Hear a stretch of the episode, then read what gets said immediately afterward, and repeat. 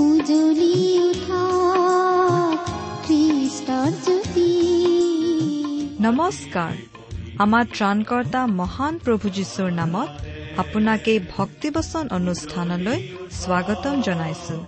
এয়া মুকলি কৰিছো ঈশ্বৰৰ জীৱিত বাক্যৰ ধাৰাবাহিক অনুষ্ঠান ভক্তিবচন। গাওঁ মিলি গীতি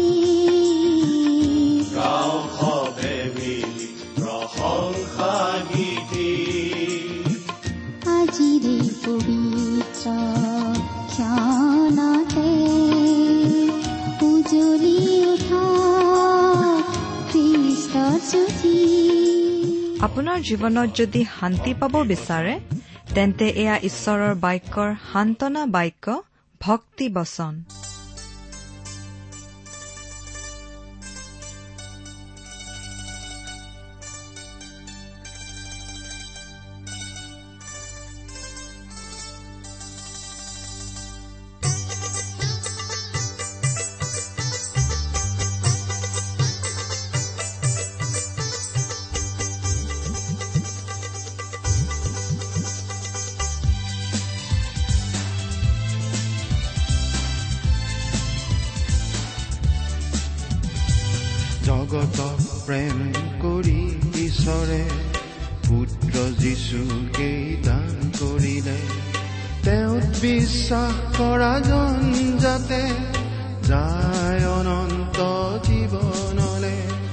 তেওঁত বিশ্বাস কৰা কোনো লোকেই নষ্ট নহয় পাই জীৱন। এই অমূল্য দান আজি ধন্যবাদেৰে আমাৰ পৰম পবিত্ৰ প্ৰভু যীশুখ্ৰীষ্টৰ নামত নমস্কাৰ প্ৰিয় শ্ৰোতা। আশা কৰো মহান পিতা পৰমেশ্বৰৰ মহান অনুগ্ৰহত আপুনি ভালে কুশলে আছে। লগতে এই বুলিও আশা কৰিছো যে আপুনি আমাৰ এই ভক্তিবচন অনুষ্ঠানটো নিয়মিতভাৱে শুনি আছে। প্ৰিয় শ্ৰোতা এই অনুষ্ঠান শুনি আপুনি কেনে পাইছে আমালৈ চিঠি লিখি জনাবচোন? আপোনালোকৰ পৰা চিঠি পত্ৰ পাবলৈ আমি আগ্ৰহেৰে বাট চাওঁ।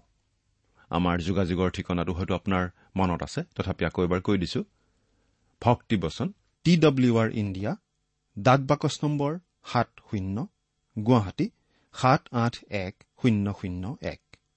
ভক্তিবচন T W R India post box number seventy Guwahati seven eight one zero' zero' one আমাৰ website W W W dot radio' eight eight two dot com আহকচোন আজিৰ বাইবেল অধ্যয়ন আৰম্ভ কৰাৰ আগতে খন্তেক প্ৰাৰ্থনাত মূৰ দুৱাওঁ। স্বৰ্গত থকা অসীম দয়ালু পিতৃ ঈশ্বৰ তোমাৰ মহান নামৰ ধন্যবাদ কৰো। তুমি মহান তুমি কৰুণাময় তুমি অনুগ্ৰহৰ আকৰ। তোমাৰ অনুগ্ৰহতেই আজি আমি প্ৰভু যীশুত বিশ্বাস কৰি পৰিত্ৰাণ পাব পৰা হৈছো তোমাক পিতৃ বুলি মাতিব পৰা হৈছো। তুমি আমালৈ যিমান অনুগ্ৰহ দেখুৱাইছা তাৰ বাবে তোমাক ধন্যবাদ দি আমি শেষ কৰিব নোৱাৰো। এতিয়া প্ৰাৰ্থনা কৰিছো তোমাৰ মহান বাক্য বাইবেল শাস্ত্ৰৰ যোগেৰে তুমি আমাক কথা কোৱা। তোমাৰ মাত আমাক শুনিবলৈ দিয়া। কিয়নো এই প্ৰাৰ্থনা আমাৰ মহান ত্ৰাণকৰ্তা প্ৰভু যীশুখ্ৰীষ্টৰ নামত আগবঢ়াইছো।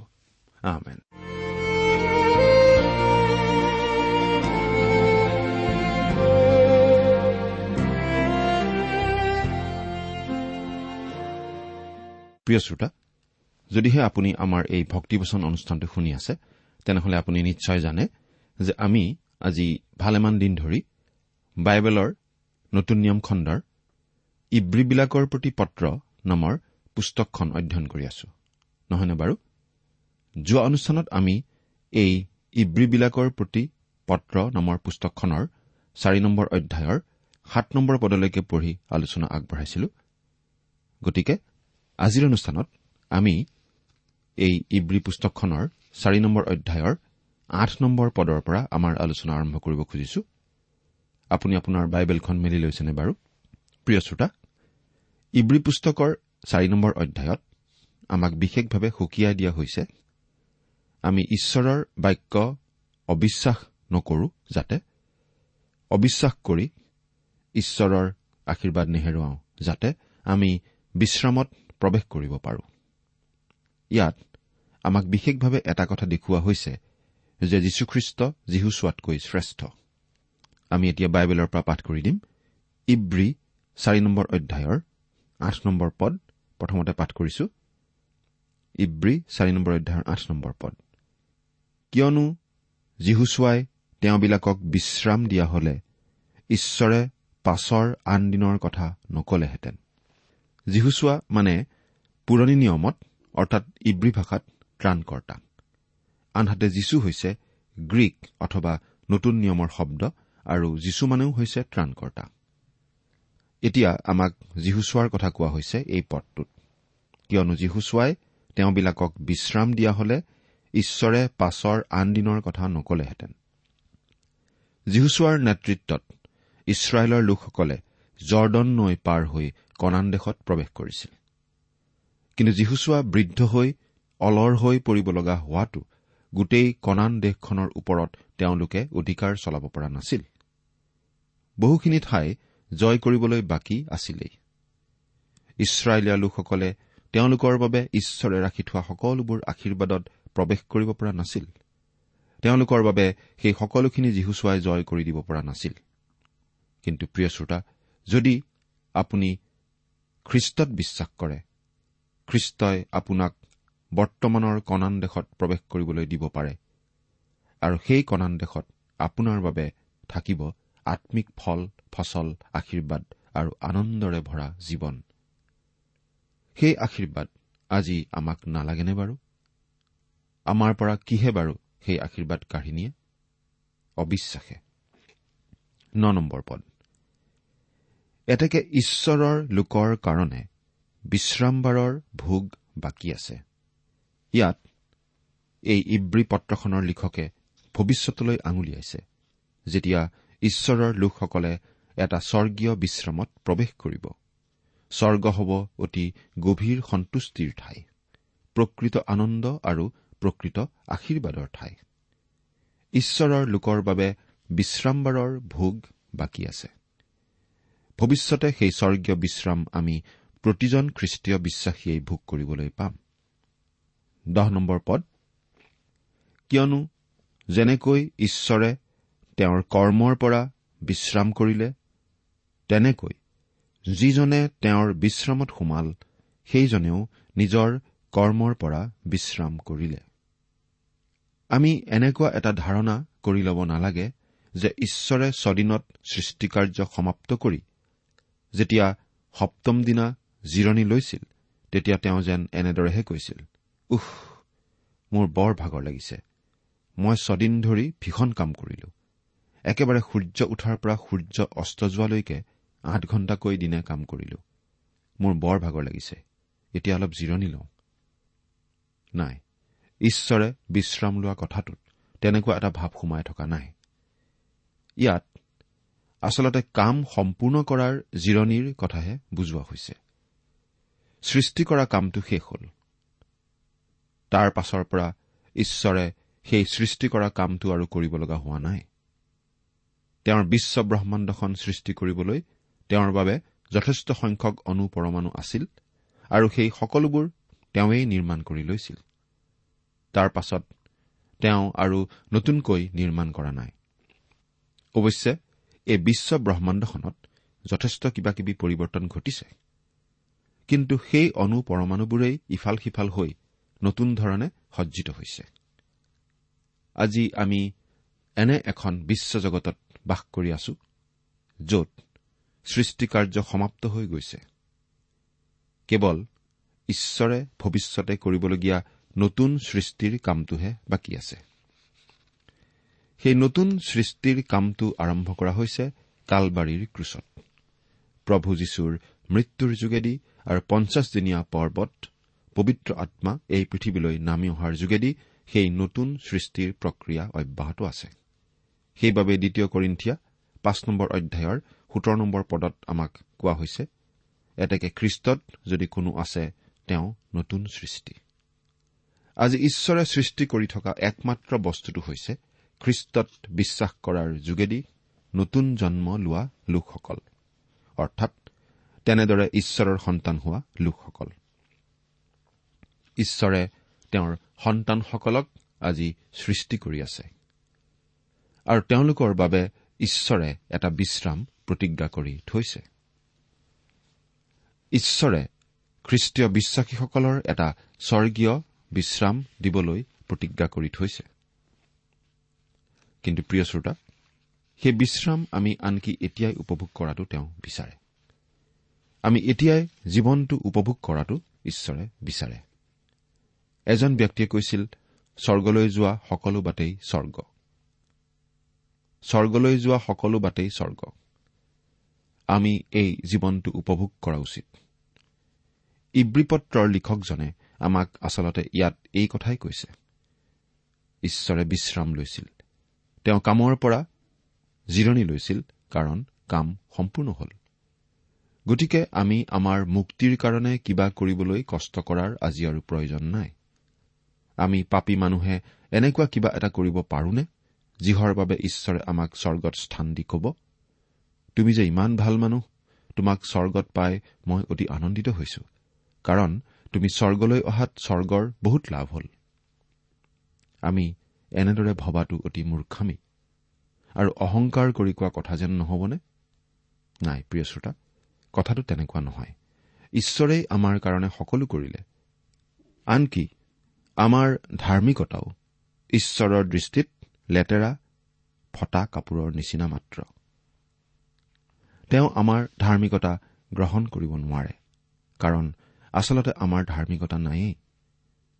ৰুমিয়া তিনি নম্বৰ অধ্যায়ৰ দহ নম্বৰ পদত আমি এনেদৰে পাওঁ।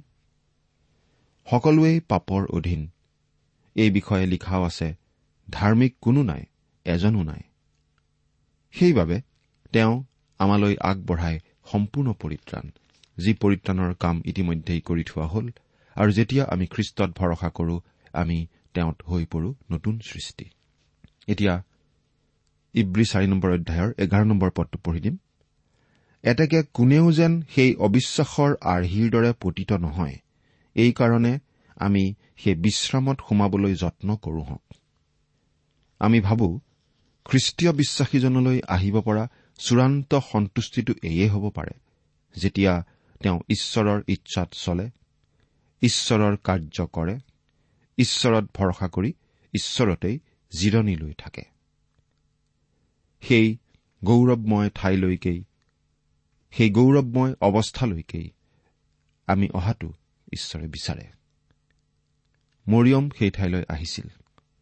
আনহাতে মৰিয়মৰ ভনীয়েক মাৰ্থাই ৰান্ধনীঘৰত বাচন বৰ্তনৰ মাজত ব্যস্ত থাকোতে মৰিয়মে আহি যীশুৰ চৰণত বহিছিলহি। মাৰ্থাইও খ্ৰীষ্টক সেৱা কৰিব বিচাৰিছিল কিন্তু আচল পৰীক্ষাটো কি আছিল সেইটো মাৰ্থাই জনাই নাছিল। মাৰ্থাই যীশুক সুস্বাদু আহাৰ খুৱাবৰ কাৰণে ৰন্ধা বঢ়াত ব্যস্ত হৈছিল। হয়তো দৌৰা দৌৰি কৰি ৰন্ধা বঢ়া কৰিব লগা হোৱাত অৱশেষত খং উঠিব ধৰিছিল। কিন্তু মৰিয়মে মাত্ৰ যীশুৰ চৰণত বহি আছিল একো কৰা নাছিল। মৰিয়মে ইতিমধ্যেই কৰিব লগাখিনি কৰিছিল। কাৰণ তেওঁ যীশুৰ চৰণত বহি তেওঁ যীশুৰ পৰা শিক্ষা শুনিছিল। আমি যীশুৰ চৰণত বহি আমাৰ সন্তুষ্টি বিচাৰি পাবলৈ আমি নিশ্চয় শিকিব লাগে। এইকাৰণে আমি সেই বিশ্ৰামত সোমাবলৈ যত্ন কৰো হওক। কোনোবাই ক'ব পাৰে বিশ্ৰামত সোমাবলৈনো আমি যত্ন কৰিব লাগেনে? হয় নিশ্চয় লাগে। এবাৰ এজন মানুহে কৈছিল মই মোৰ ঘৰত শান্তি বিচাৰো। লাগিলে তাৰ বাবে কাজিয়াই হওক। শান্তি আনিবলৈ কাজিয়া? আমি শান্তি আনিবলৈ হলে প্ৰথমে যুদ্ধখন জয় কৰিব লাগিব। ইয়াত কোৱা হৈছে আমি বিশ্ৰামত সোমাবলৈ যত্ন কৰো হওক। আপুনি যদি কিবা এটা কামত লাগি থাকে আৰু দিনটোৰ অন্তত বহি জিৰণি লয় তেতিয়া বাৰু আপুনি সমাপ্ত কৰা কামটোৰ কথা ভাবি ভাল নালাগেনে? আজি আমি ঈশ্বৰক ধৰিবৰ প্ৰয়োজন আছে। তেওঁক ধৰিব লাগে প্ৰাৰ্থনাৰে বিশ্বাসত। আজি তেওঁৰ দ্বাৰা আমি কামত ব্যৱহৃত হোৱাৰ প্ৰয়োজন আছে। সেই দিশলৈ আগবাঢ়িবলৈ আমি যত্ন কৰা উচিত। কোনেও যেন সেই অবিশ্বাসৰ আৰ্হিৰ দৰে পতিত নহয়। সেই বিশ্ৰাম আপোনাৰ পৰা একমাত্ৰ এটা বস্তুৱেই কাঢ়ি নিব পাৰে। অবিশ্বাসে। আমাৰ সদায় সেইটোৱেই প্ৰাৰ্থনা হোৱা উচিত। যাতে আমি তেওঁতেই সম্পূৰ্ণ ভৰসা কৰি চলিব পাৰোঁ। এতিয়া আমি বাৰ নম্বৰ পদটো পঢ়ি দিম। কিয়নো ঈশ্বৰৰ বাক্য জীয়া কাৰ্যসাধক আৰু আটাই দুধৰীয়া তৰোৱালতকৈও চোকা। প্ৰাণ আৰু আত্মা গাঁঠি আৰু মজ্জা এই সকলোকে ভেদ কৰালৈকে বিন্ধুতা আৰু মনৰ ভাৱনা আৰু অভিপ্ৰায়কো চিনোতা। কিয়নো পৌলে এইকাৰণে গতিকে কিয়নো আদি শব্দ ব্যৱহাৰ কৰি তেওঁৰ যুক্তিবোৰ সংযুক্ত কৰে। এজন ব্যক্তিয়ে মত দিছিল পাচনি পৌলৰ বিষয়ে আপুনি যিয়েই নকওক কিয় এটা কথা কিন্তু আপুনি কবই লাগিব যে পাচনি পৌলে সদায় যুক্তিৰ আধাৰত কথাবোৰ লিখিছে। পাচনি পৌল অতিশয় যুক্তিবাদী আছিল আৰু আমি ভাবো এই ইব্ৰীবিলাকলৈ লিখা পত্ৰখনো তেওঁই লিখিছিল। কিয়নো এটা সৰু শব্দ? কিন্তু ই এটা ডাঙৰ শব্দ। এজন লোকে মন্তব্য কৰিছিল ঈশ্বৰে ডাঙৰ দুৱাৰ সৰু কব্জাত লগাই খোলে। ইয়াতে আমি সেই সৰু কব্জা এটা দেখা পাইছো। কিন্তু ইয়াত ডাঙৰ দুৱাৰ এখন সংযুক্ত হৈ আছে। ঈশ্বৰৰ বাক্য। কিছুমান ব্যাখ্যাকাৰকে ভাবে যে ইয়াত ঈশ্বৰৰ লিখিত বাক্যৰ কথা কোৱা হোৱা নাই।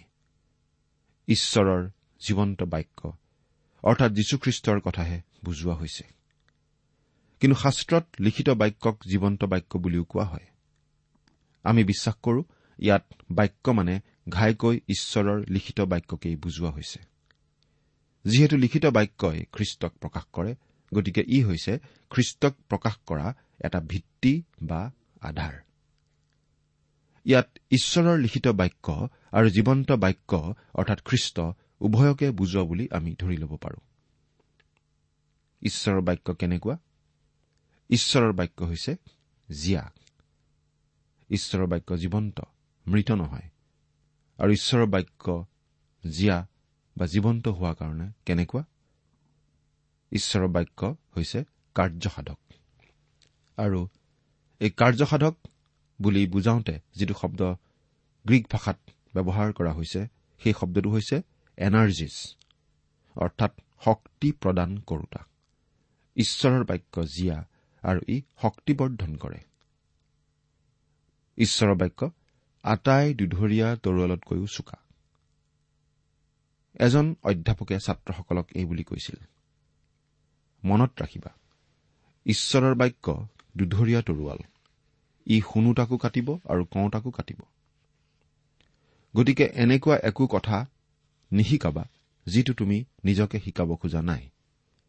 আচলতে বহুতো শিক্ষকে এই অভিজ্ঞতাৰ কথাই কয় যে তেওঁলোকে যেতিয়া পুলপিতৰ পৰা শিক্ষা দিয়ে বাইবেলৰ শিক্ষা দিয়ে তেতিয়া নিজকে শিক্ষা দিয়াৰ নিচিনাই লাগে। ঈশ্বৰৰ বাক্য দুধৰীয়া তৰোৱাল শুনোতাকো প্ৰভাৱিত কৰে কওঁতাকো প্ৰভাৱিত কৰে। ঈশ্বৰৰ বাক্য দুধৰীয়া চোকা তৰোৱাল ই কাটিবই ই ভেদ কৰিবই। পাচনি পৌলে থিচলেনিকিত থকা খ্ৰীষ্টীয় বিশ্বাসীসকললৈ এই বুলি লিখিছিল। প্ৰথম থিচলেনিকীয়া দুই নম্বৰ অধ্যায়ৰ তেৰ নম্বৰ পদ। তোমালোকে যেতিয়া আমাৰ পৰা শুনা বাক্য অৰ্থাৎ ঈশ্বৰৰ বাক্য গ্ৰাহ্য কৰিছিলা তেতিয়া মানুহৰ বাক্য বুলি নহয় ঈশ্বৰৰ বাক্য বুলি যে গ্ৰাহ্য কৰিছিলা সেয়ে স্বৰূপে ঈশ্বৰৰ বাক্য। তাৰ কাৰণে আমি নিৰন্তৰে ঈশ্বৰৰ ধন্যবাদ কৰো। সেই বাক্যে বিশ্বাস কৰা যি তোমালোক তোমালোকৰ মাজত কাৰ্যসাধন কৰে। থিচলনিকীয়া সেই খ্ৰীষ্টীয় বিশ্বাসীসকলে সেই বাক্য সাধাৰণ বাক্য হিচাপে গ্ৰহণ কৰা নাছিল কিন্তু ঈশ্বৰৰ মুখৰ বাক্য হিচাপে গ্ৰহণ কৰিছিল। ঈশ্বৰৰ বাক্য ঘোষণা কৰোতেও পাচনি পৌলে সেই বুলিয়েই কৈছিল। আমি পাঠ কৰি দিব খুজিছো প্ৰথম কৰিন্ঠিয়া দুই নম্বৰ অধ্যায়ৰ চাৰি নম্বৰ পদ। আৰু তোমালোকৰ বিশ্বাস মানুহৰ জ্ঞানত নহয় ঈশ্বৰৰ শক্তিত যেন নিৰ্ভৰ কৰা হয়। এইকাৰণে মোৰ বাক্য আৰু ঘোষণা জ্ঞানৰ মনমোহা কথাৰে নহয় পবিত্ৰ আত্মা আৰু শক্তিৰেহে সপ্ৰমাণ হৈছিল। প্ৰথম কৰিন্ঠিয়া দুই নম্বৰ অধ্যায়ৰ চাৰি আৰু পাঁচ নম্বৰ দুইটা পদ পঢ়ি দিলো। আমি বহুতো শ্ৰোতাৰ পৰা চিঠি পত্ৰ পাওঁ। বহুতো শ্ৰোতাই ঈশ্বৰৰ বাক্য শুনি খ্ৰীষ্টক পৰিত্ৰতা হিচাপে জানিছে আৰু গ্ৰহণো কৰিছে। বহুতে এতিয়া বাক্য শুনি এনে এটা অৱস্থালৈ আহিছে য'ত তেওঁলোকে খ্ৰীষ্টীয় বিশ্বাস উপভোগ কৰিব পাৰে। তেওঁলোকে প্ৰাৰ্থনা উপভোগ কৰিব পাৰে। ঈশ্বৰৰ বাক্যৰ উদ্দেশ্য এয়েই আপোনাৰ ওপৰত আপোনাৰ জীৱনৰ ওপৰত ই প্ৰভাৱ পেলাবই। এনেদৰে কোৱা হয় ঈশ্বৰৰ বাক্যই আপোনাক পাপৰ পৰা আঁতৰাই ৰাখিব নহলে পাপেহে আপোনাক ঈশ্বৰৰ বাক্যৰ পৰা আঁতৰাই ৰাখিব। বহুতো খ্ৰীষ্টীয় বিশ্বাসীয়ে ঈশ্বৰৰ বাক্য অধ্যয়ন কৰাত সময় নকটায়। বহুতো শিক্ষক প্ৰচাৰকেও ঈশ্বৰৰ বাক্য অধ্যয়ন কৰাত সময় নকটায়। এজন পালকে তেওঁৰ মণ্ডলীৰ লোকসকলৰ বাবে প্ৰয়োগ কৰিব পৰা সকলোতকৈ ডাঙৰ অনুশাসনটো হৈছে তেওঁ লোকসমূহৰ সৈতে বাইবেলখন ইমূৰৰ পৰা সিমূৰলৈকে অধ্যয়ন কৰিব পাৰে। বেলেগৰ লাভ হ'ব পাৰে সেই কথাত নিশ্চয় সন্দেহ নাই কিন্তু সেই পালকজনৰ নিজৰো যথেষ্ট লাভ হ'ব। ঈশ্বৰৰ বাক্য চোকা জীয়া কাৰ্যসাধক। প্ৰাণ আৰু আত্মা বিন্ধুতা বহুতো মানুহে প্ৰাণ আৰু আত্মাৰ পাৰ্থক্য বুজাবলৈ নানা ধৰণৰ মনোবৈজ্ঞানিক শব্দ ব্যৱহাৰ কৰি চায়। কিন্তু আচলতে প্ৰাণ আৰু আত্মাক বিভক্ত কৰিব পাৰে একমাত্ৰ ঈশ্বৰৰ বাক্যইহে। আমি কৰিব নোৱাৰো। আচলতে বহু সময়ত ঈশ্বৰৰ বাক্যত প্ৰাণ আৰু আত্মা শব্দ দুটা প্ৰায় একে অৰ্থ বুজাবলৈকে ব্যৱহাৰ কৰা হয়। কিন্তু কিছুমান ঠাইত আকৌ ভিন্ন অৰ্থ বুজাবলৈ ব্যৱহাৰ কৰা হয়। মুঠতে ঈশ্বৰৰ বাক্যইহে সেই পাৰ্থক্যটো দেখুৱাব পাৰে। ঈশ্বৰৰ বাক্যই আমাৰ প্ৰাণ আত্মা সকলোকে ভেদ কৰিব পাৰে। গাঁঠি আৰু মজ্জা বিন্ধুতা ঈশ্বৰৰ বাক্যই আমাৰ এই শৰীৰটো তন্ন তন্নকৈ ভেদ কৰিব পাৰে। মনৰ ভাৱনা আৰু অভিপ্ৰায়কো চিনোতা। চিনোতা বুলি বুজাবলৈ যিটো গ্ৰীক শব্দ ব্যৱহাৰ কৰা হৈছে তাৰ আচলতে অৰ্থ হৈছে সমালোচনা কৰোতা। আজি ঈশ্বৰৰ বাক্যক সমালোচনা কৰা লোকহে বহুত ওলাইছে কিন্তু আচলতে ঈশ্বৰৰ বাক্যহে আমাৰ সমালোচক। এই বাক্যই আপোনাক সমালোচনা কৰে মোক সমালোচনা কৰে আন আন মানুহক সমালোচনা কৰে। কোনো মানুহেই আচলতে ঈশ্বৰৰ বাক্য সমালোচনা কৰি মত প্ৰকাশ কৰিব নোৱাৰে। তাৰ বহুতো কাৰণ আছে কিন্তু এটা কাৰণ এইয়ে যে ঈশ্বৰৰ বাক্য বাইবেল শাস্ত্ৰৰ নিচিনা আন একো গ্ৰন্থ আজিলৈকে লিখা হোৱা নাই। বাইবেল শাস্ত্ৰখন লিপিবদ্ধ হওঁতে প্ৰায় এহেজাৰ পাঁচশ বছৰ লাগিছিল। প্ৰায় পঞ্চল্লিছজন বিভিন্ন লিখকৰ জৰিয়তে লিখা হৈছিল। তাৰে কিছুমানে আন কিছুমানৰ কথা কেতিয়াও শুনাই নাছিল। তথাপি তেওঁলোক সকলোৱে লিখা কথা একেই। তেওঁলোক সকলোৱে একেটা মহান কাহিনী উপস্থাপন কৰে। তেওঁলোক সকলোৱে মহান পৰিত্ৰাণৰ কথাই আমাক জনায়। আমি ক'ব খোজো কোনো মানুহেই এনে এখন মহান গ্ৰন্থৰ বিষয়ে সমালোচনা আগবঢ়োৱাৰ উপযুক্ত নহয়। এবাৰ এজন বিখ্যাত সমালোচক পণ্ডিতে এটা বক্তৃতা দিছিল ইংৰাজী সাহিত্যৰ সকলোতকৈ বিখ্যাত লিখক এজনৰ ৰচনাৱলীৰ বিষয়ে। সেই পণ্ডিতজনে কথা কৈ সামৰিলে আৰু শেষত এই বুলি মন্তব্য কৰিলে। মই আপোনালোকৰ আগত এই বিখ্যাত লিখকজনৰ ৰচনাৰ বিষয়ে এটা বক্তব্য আগবঢ়ালো। কিন্তু মই এতিয়া ক'ব খোজো যে আচলতে সেই বিখ্যাত লিখকজনৰ বিষয়ে কোনোধৰণৰ মন্তব্য দিয়াৰ অৰ্হতা মোৰ নাই। এই কথা অতি নম্ৰ মানুহেহে ক'ব পাৰে। প্ৰিয় শ্ৰোতা ঈশ্বৰৰ বাক্যক সমালোচনা কৰাৰ অৰ্হতাও কোনো মানুহৰ নাই। এই মহান গ্ৰন্থখন বিচাৰ কৰিবলৈ আমাৰ আচলতে জ্ঞান নাই। কিন্তু এই গ্ৰন্থখনে আমাকহে সমালোচনা কৰিব পাৰে। আজি খ্ৰীষ্টৰ পৰা মানুহ আঁতৰাই ৰাখিব পাৰে পাপে। মানুহৰ মূৰত থকা বৌদ্ধিক সমস্যাই নহয় মানুহৰ হৃদয়ত থকা পাপৰ সমস্যাইহে মানুহক খ্ৰীষ্টৰ পৰা আঁতৰাই ৰাখে। মনৰ ভাৱনা আৰু অভিপ্ৰায়কো চিনোতা। আচলতে বাইবেলে কৰ্মৰ ক্ষেত্ৰত বেছি কথা নকয়। নাইবা আমি ক'ব পাৰো যে মানুহৰ কৰ্মটো মুখ্য বস্তু বুলি বাইবেলে নকয়। অন্তৰখনে যি চিন্তা কৰে তাকেই হাতে কাৰ্যত প্ৰকাশ কৰে। গতিকে ঈশ্বৰৰ বাক্য গভীৰতালৈ যায় আৰু অন্তৰখনহে চাব বিচাৰে। অন্তৰখনকহে কিবা ক'ব বিচাৰে। অন্তৰখনকহে পৰীক্ষা কৰে আৰু অন্তৰখনহে নতুন কৰিবলৈ বিচাৰে। তেৰ নম্বৰ পদ। আৰু কোনো সৃষ্ট বস্তু তেওঁৰ দৃষ্টিৰ অগোচৰ নহয়। কিন্তু যিজনৰ আগত আমি হিচাপ দিব লগা হওঁ তেওঁৰ চকুৰ আগত সকলোৱেই উদং আৰু মুকলি। আমি ঈশ্বৰৰ পৰা একো লুকুৱাই ৰাখিব নোৱাৰো। আমি আমাৰ মনৰ গুপুত উদ্দেশ্য আৰু আকাংক্ষাবোৰক আমি লুকুৱাই ৰাখিব নোৱাৰো। তেওঁ সকলো জানে। একমাত্ৰ তেওঁই আমাৰ সকলো অভিপ্ৰায় জানে। তেওঁৰ আগত সকলো মুকলি। প্ৰিয় শ্ৰোতা আপোনাৰ জীৱনটো ঈশ্বৰৰ আগত এখন খোলা কিতাপৰ নিচিনা। গতিকে আমি সকলো কথা খোলা খুলিকৈ তেওঁৰ আগত স্বীকাৰ কৰা উচিত। কাৰণ তেওঁৰ পৰা আমি একো লুকুৱাই ৰাখিব নোৱাৰো। এই কথা মনত ৰাখি তেওঁতেই আপোনাৰ জীৱনৰ সকলোখিনি সঁপি দিছেনে? চিন্তা কৰি চাওকচোন। ঈশ্বৰে আপোনাক আশীৰ্বাদ কৰক। আমেন।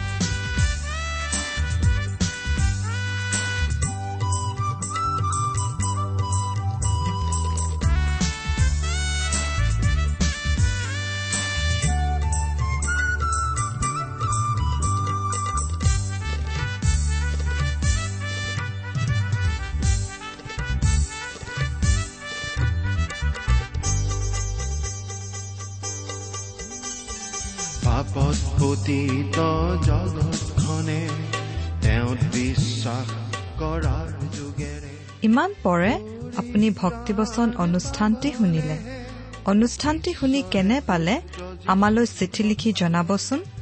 অনুষ্ঠানত প্ৰচাৰ কৰা কোনো কথা বুজিব লগা থাকিলেও আমালৈ লিখক।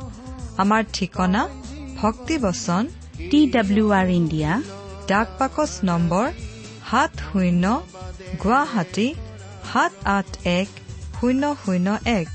ঠিকনাটো আৰু এবাৰ কৈছো ভক্তিবচন টি ডাব্লিউ আৰ ইণ্ডিয়া ডাক বাকচ নম্বৰ সাত শূন্য গুৱাহাটী সাত আঠ এক শূন্য শূন্য এক। আপুনি ইমেইল যোগেৰেও আমাৰ সৈতে যোগাযোগ কৰিব পাৰে। আমাৰ ইমেইল আইডিটো হৈছে Assamese T TV at radio' eight eight two dot com.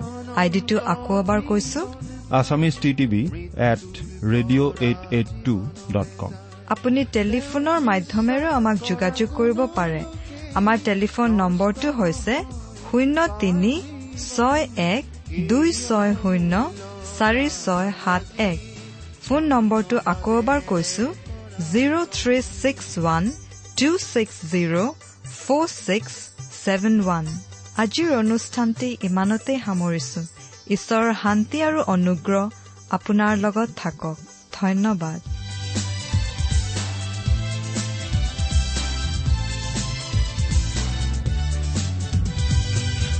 জীৱন দিওঁতা আহাৰ তেওঁৱেই যিজন তেওঁৰ কাষলে আহে তেওঁৰ কেতিয়াও ভোক নালাগে। আত্মিক পিয়াহো তেওঁ দূৰ কৰে। তেওঁ বিশ্বাস কৰা কোনো লোকেই নষ্ট নহয় পাই জীৱন। এই অমূল্য দান আজি ধন্যবাদেৰে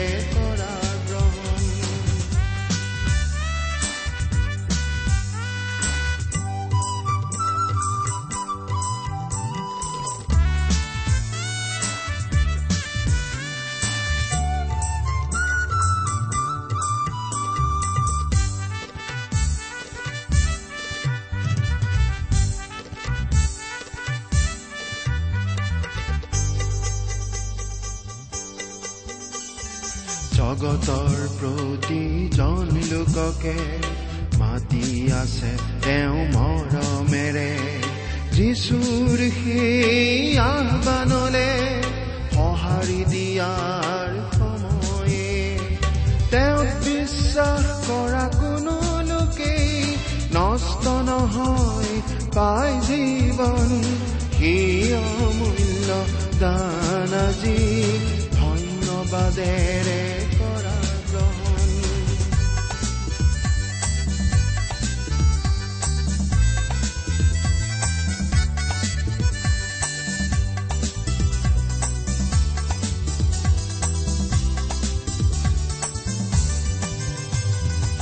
জগতক প্ৰেম কৰি ঈশ্বৰে পুত্ৰ যিচুকেই দান কৰিলে। তেওঁত বিশ্বাস কৰা জন যাতে যায় অনন্ত জীৱনলে। তেওঁত বিশ্বাস কৰা কোনো লোকেই নষ্ট নহয় পাই জীৱন। সেই অমূল্য দান আজি ধন্যবাদেৰে কৰা গ্ৰহণ